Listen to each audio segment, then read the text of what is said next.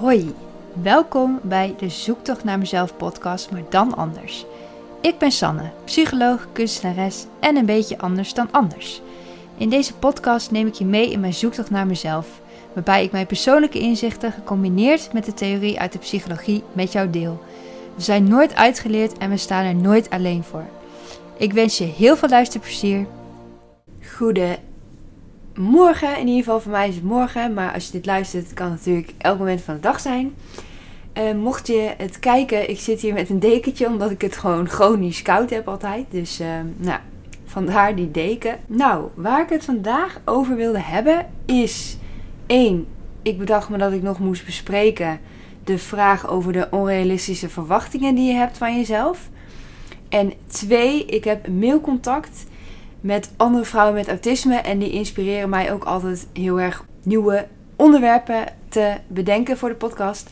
En het onderwerp van vandaag, nadat ik de vraag heb beantwoord, is werken en autisme. Want er was dus iemand die vroeg: is het werk wat je nu doet, past dat bij jou en bij je autisme? En daar kon ik niet heel makkelijk in, in een mailtje een antwoord op typen. Dus ik dacht, dat is iets om in de podcast te bespreken. Dus bij deze, ik ga even mijn Instagram openen om te lezen wat de mensen hebben gezegd. Ik heb één reactie over niet realistische hoge verwachting. Dat ik gewoon vrolijk doorga nadat er iets verandert van enige grote aard. Bijvoorbeeld, ik heb afgelopen 20 december mijn afstudeerscriptie afgerond. Gefeliciteerd. Op zich een totaal positieve gebeurtenis, maar wel een verandering. En daar ben ik nog steeds heel erg door van slag, ruim een maand later.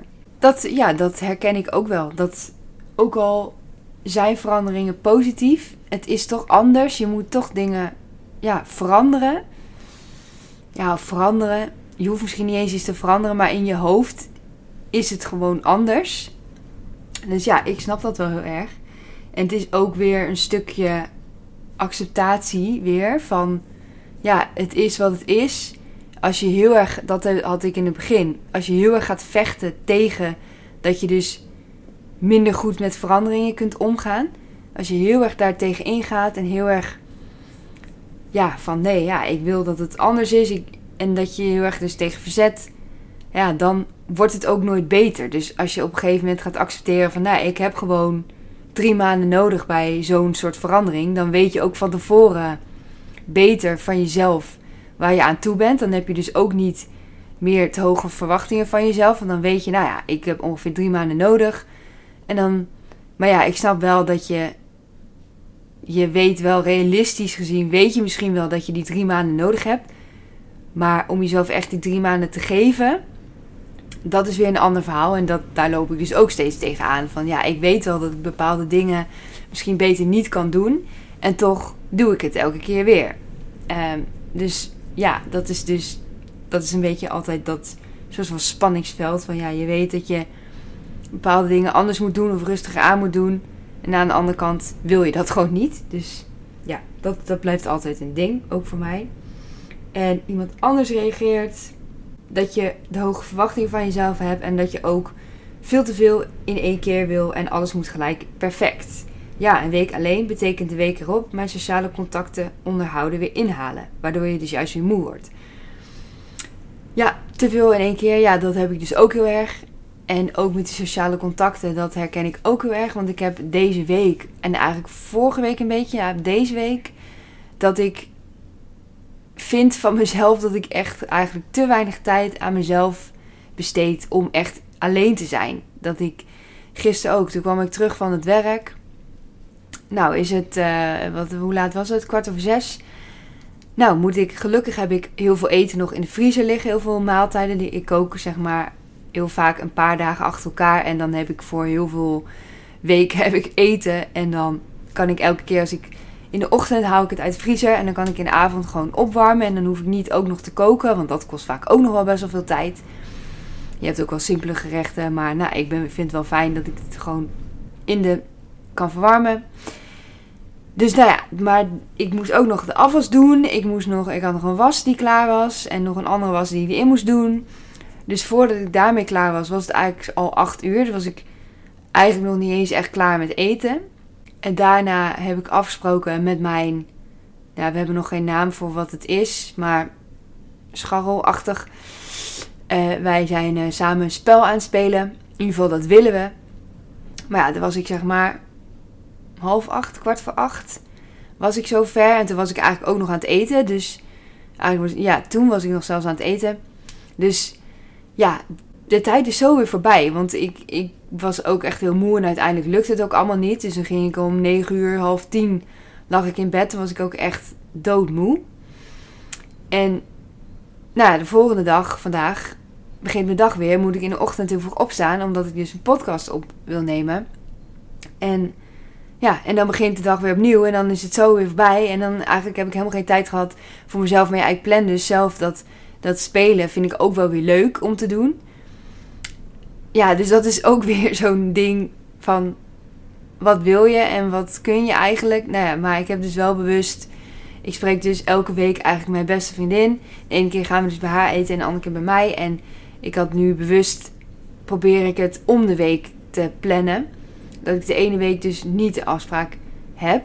En dat geeft mij ook wel weer iets meer rust. Dus zo maak ik wel hele kleine stapjes naar iets verbetering. Dat ik iets meer tijd voor mezelf heb. Maar ik vind het nog steeds wel lastig om dat echt door te voeren. Dat ik, ja, ik vind het ook niet leuk om alleen te zijn. En aan de andere kant weer wel. Dus nou, daar heb ik het ook al wel eerder over gehad. Dus het, ik weet niet hoeveel zin heeft om nog een keer heel verhaal erover te houden. En, eh, maar dat is dus wel waar ik dus tegenaan loop. Dat ik nu, nu ik dus 40 uur werk en podcast doe en NVA doe. En ook nog wil sporten en dus ook nog mensen wil zien. Ja, het is wel, het is, het is wel een beetje veel. Maar ja, het is natuurlijk ook in de winter. Heb je ook dat je. Het is donker s'avonds, dan ben je misschien ook eerder moe. Dus ik verwacht wel dat ik in de zomer ook wel weer meer energie krijg. Dat hoop ik eigenlijk een beetje. Dat je lichaam past, past zich volgens mij toch een beetje aan aan de winter. Dat het, ja, dat de dagen korter zijn en dat soort dingen. En dan kun je dus in de avond ook weer meer. Ja, heb ik gewoon meer energie om dingen te doen. En dan heb je ineens ook een soort van meer tijd eigenlijk. Dus nou, daar, ben, daar kijk ik naar uit. En er zijn nog een aantal reacties op de vraagsticker gekomen van onrealistische verwachtingen. En er is iemand die zegt dat ik 5 kilometer moet kunnen hardlopen. En uh, diegene zegt ook dat ik een meerdaagse hike door de bergen moet kunnen doen. En dat ik een half jaar in het buitenland moet kunnen wonen en daar niet instorten. Nou ja, dat zijn inderdaad best wel, best wel hoge verwachtingen die je van jezelf hebt eigenlijk allemaal. Kijk, de ene is natuurlijk iets groter dan de ander. Dat je een half jaar in het buitenland moet kunnen wonen en daar niet instorten. Dat is misschien bijna voor eigenlijk voor niemand een, een realistische verwachting. In ieder geval, ik kan me voorstellen dat het sowieso voor, ook voor iemand niet met autisme een heel erg heftige iets is. En dat je dan vast wel daar instortmomenten hebt. Ja, het is, het is heel makkelijk voor mij om te zeggen van ja, maar um, je, weet, je weet van jezelf ook wel dat het geen realistische verwachting is. En toch heb je het van jezelf. Dus dat vind ik wel interessant. Van waar komt het dan vandaan? Van waarom vind je dat je 5 kilometer kunt hardlopen? Wat gebeurt er als je die 5 kilometer kunt hardlopen? Wat, wat maakt dat je dat. Ja, wat maakt dat als je het niet kunt, vind je jezelf dan een loser? Of wat, ja, wat zorgt ervoor dat je jezelf die verwachting geeft eigenlijk? Het is een hele moeilijke vraag ook om te, ja, om te vragen. Vind ik het al moeilijk om de vraag goed te stellen en om het te beantwoorden ook. Want als ik dus aan mezelf ga vragen van ja, waarom wil je per se alles doen tegelijk? En werk en podcast en NVA en sociaal leven en ja, alles. Uh, weet ik ook even niet het antwoord zo snel. Dus um, ja, het is allemaal niet zo makkelijk en ook allemaal niet zo zwart-wit. Maar het is wel, ik vind het ook wel weer fijn om te lezen, deze reacties. Dat ik dus niet de enige ben die dus heel erg onrealistische verwachtingen van zichzelf heeft. En het is natuurlijk ook een mens eigen. En het is ook wel goed, omdat je, ja, onrealistische verwachtingen is natuurlijk niet goed. Maar, als je, maar dat je verwachtingen van jezelf hebt, dat is natuurlijk wel goed. Als je dus 5 kilometer wilt hardlopen, dat is misschien dan niet realistisch, maar het maakt wel dat je gaat trainen en dingen gaat doen om het uiteindelijk wel te kunnen halen. En het is natuurlijk ook maar de vraag in welk tijdsbestek je dat wil halen. Je wil vijf kilometer kunnen hardlopen, maar waarschijnlijk wil je dat dus morgen al kunnen. Terwijl dat natuurlijk niet zo realistisch is, maar vijf kilometer hardlopen. Dat is denk ik voor heel veel mensen wel weer een realistisch iets. Alleen dan heb je echt wel een, nou ja, paar weken zeker wel nodig om dat te kunnen halen. Dus het is op zich realistisch, alleen met bepaalde aanpassingen. Ook bijvoorbeeld het half jaar in het buitenland moet kunnen wonen en daar niet instorten. Ik zou dan, ja, je kunt het misschien dan voor jezelf anders gaan opstellen. Maar ja, dat is, nu ga ik gelijk in de oplossingenmodus. En dat is helemaal niet de vraag van die persoon dat ik ga helpen met oplossingen geven. Maar uh, ja, het is sowieso, dat kost natuurlijk ook weer energie.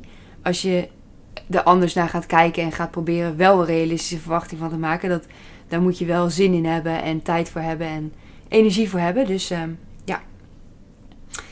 En de laatste die iets zegt is, zegt dat alles moet lukken, gezin, werk, herstellen. Ja, dat heb ik dus ook. Dat ik, en daar kom ik dus achter dat dat dus niet het geval is. Dat het dus niet lukt allemaal. En dat het eigenlijk vaak gaat ten koste van jezelf. En dan denk ik, ja, waarvoor doe ik het eigenlijk? Want ja, het is nooit het waard dat je jezelf voorbij gaat. Maar goed, dat moet ik dus ook heel erg tegen mezelf zeggen. Maar nou ja, dus wel interessant om te zien dat andere mensen dat dus ook hebben. En nou ja, ik, ik, uh, ik vind het wel interessant om daar ook een soort oplossing voor te bedenken. Om misschien een soort iets te maken dat, je, dat we daar beter mee om kunnen gaan. En dat is ook voor mezelf, maar ook dus voor anderen. Dus dat is wel ideeën die ik hiervan krijg. Maar goed, oké.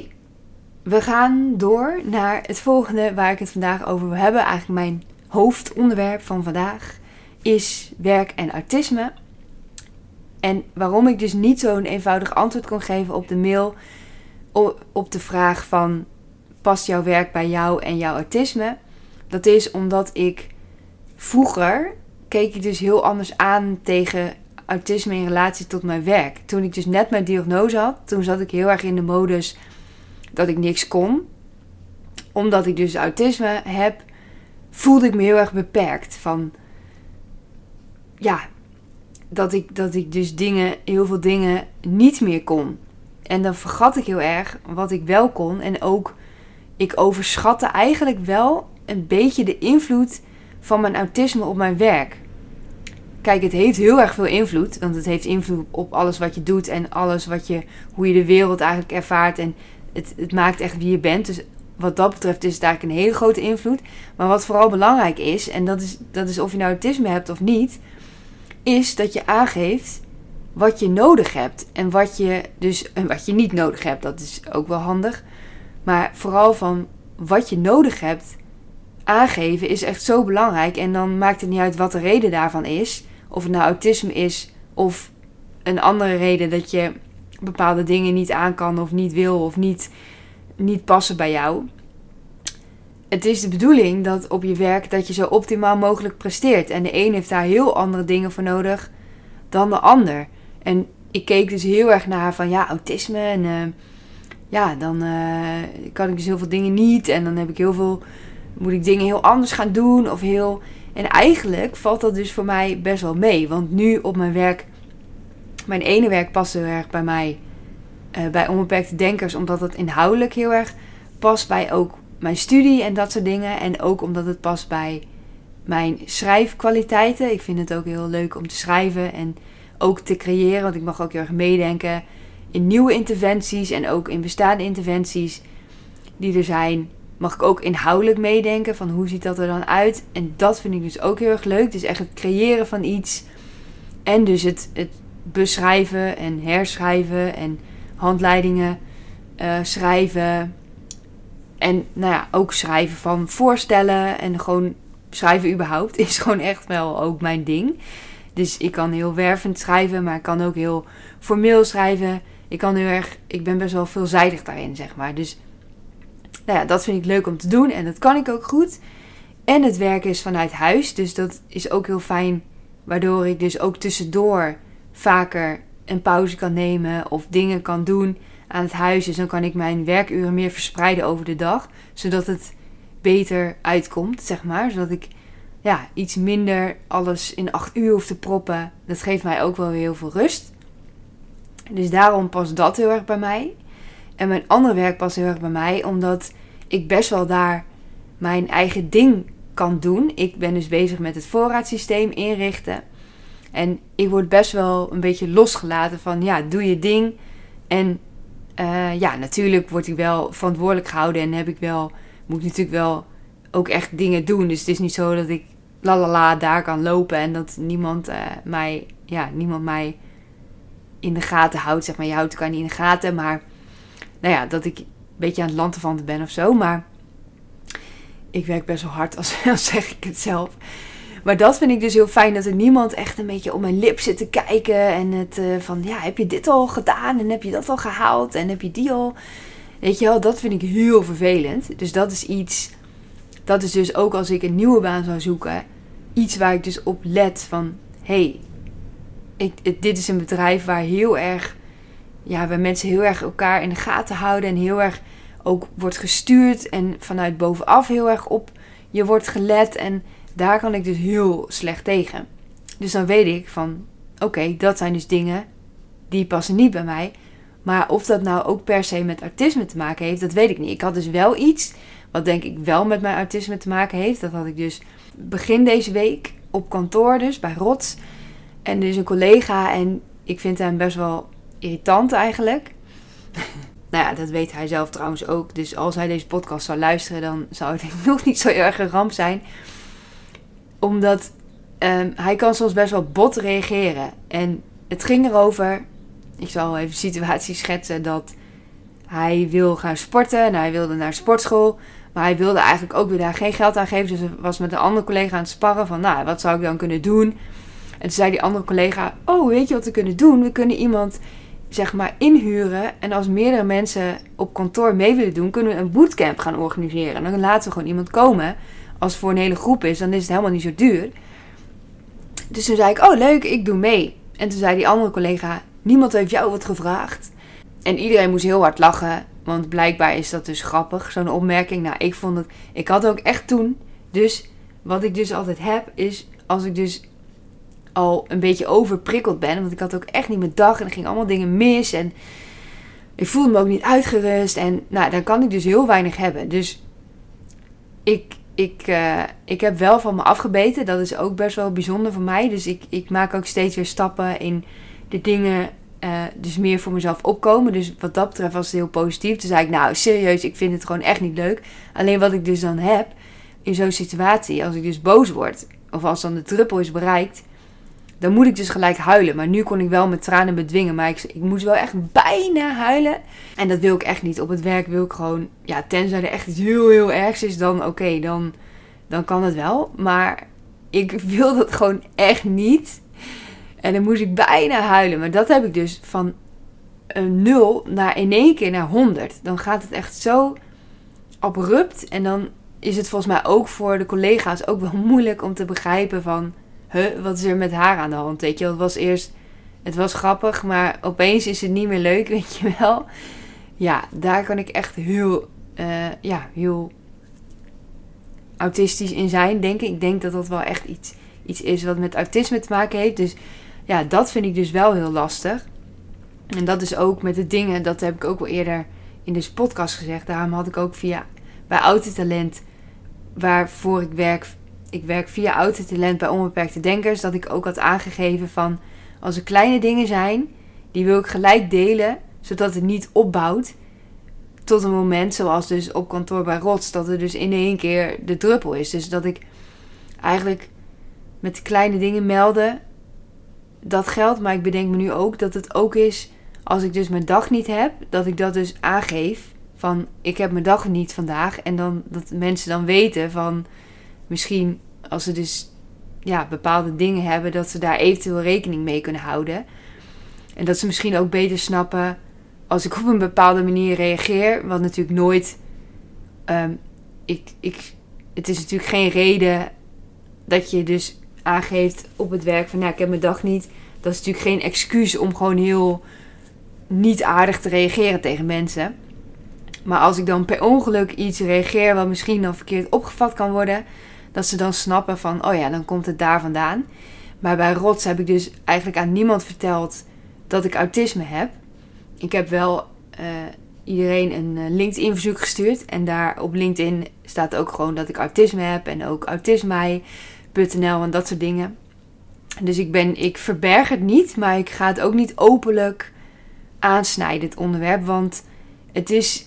In, want dat had ik dus wel heel erg. Dat als ik dus in het begin ging solliciteren, dat ik heel erg had van ja, ik, ik moet iets zeggen over mijn autisme.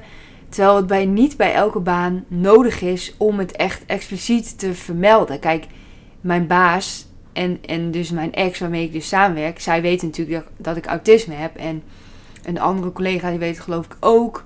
Want die moest ook zeg maar akkoord geven om mij op te nemen in het team. Dus, dus zij weet het ook.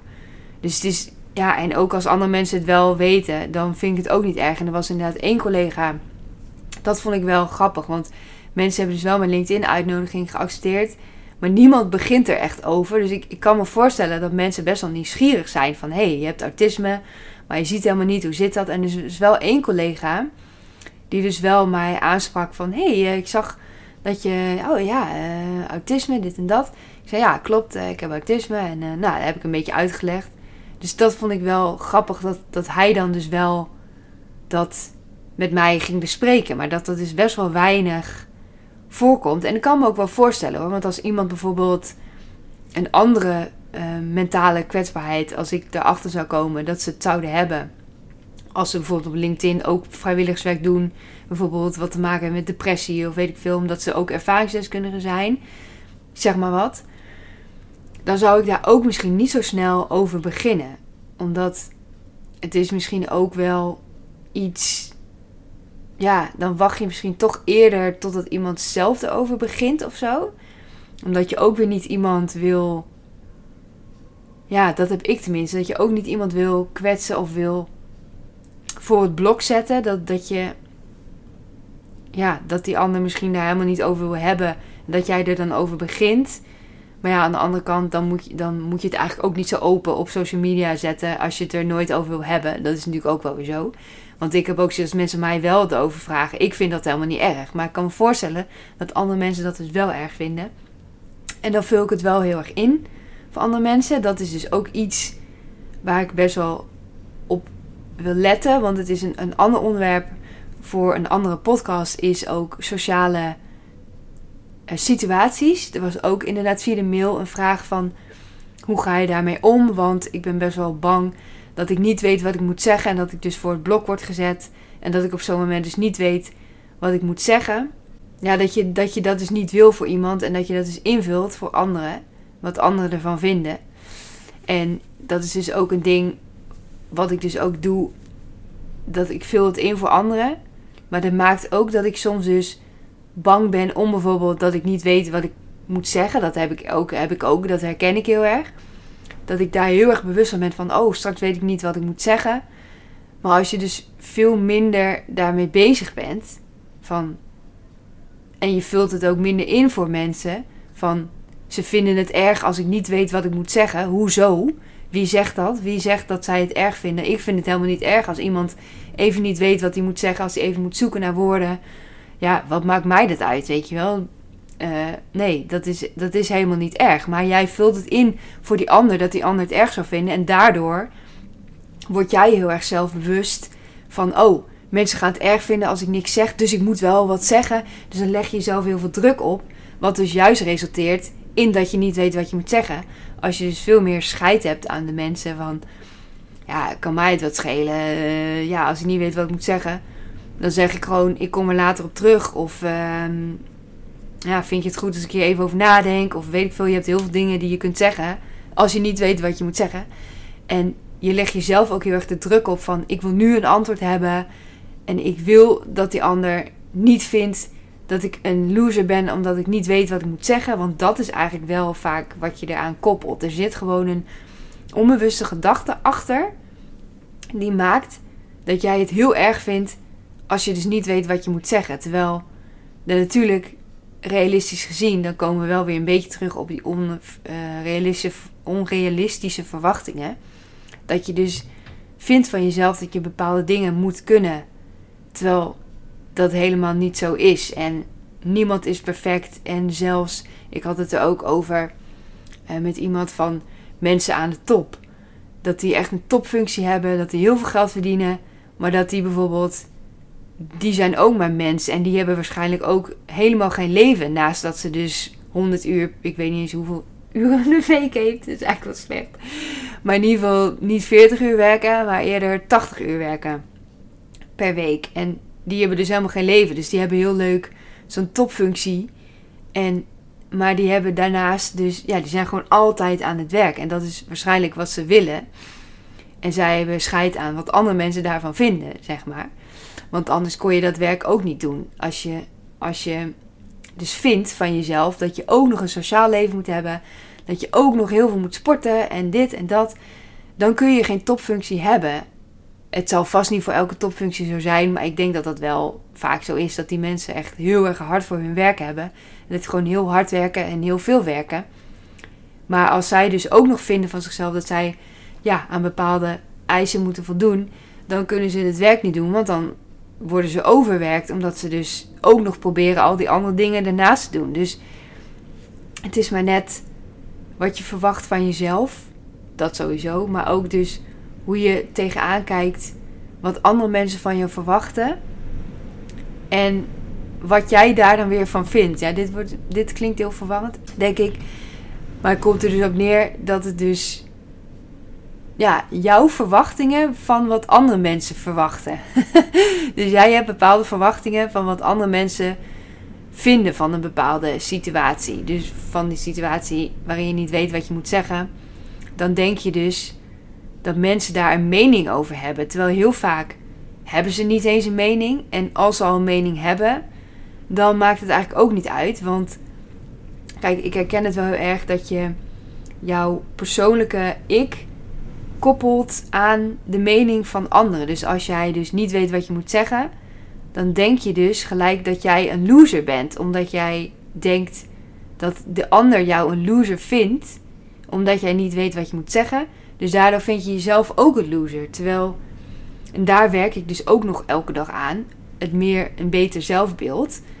Want als jij dus een beter zelfbeeld van jezelf hebt, dan zul je ook niet zo snel de meningen van anderen op jezelf betrekken. Dan zie je het veel meer als een soort feedback om weer te kunnen verbeteren. Dan zie je niet, dan denk je niet van die ander vindt mij een loser, omdat je jezelf al heel goed vindt.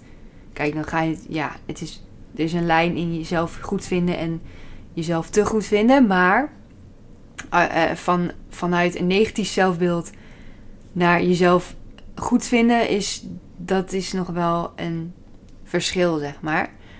En van jezelf naar jezelf te goed vinden. Dus er zit een heel groot stuk tussen een negatief zelfbeeld en jezelf echt te goed vinden en jezelf helemaal geweldig vinden. Want daar heb ik dus ook echt een enorme hekel aan. En van die mensen die zichzelf helemaal geweldig vinden, denk ik, zo geweldig ben jij niet, weet je wel. Maar ja, dat is ook wel weer een mooie eigenschap. Misschien is dat, vind ik dat irritant, omdat dat iets is waar ik zelf meer zo van, van zou willen hebben.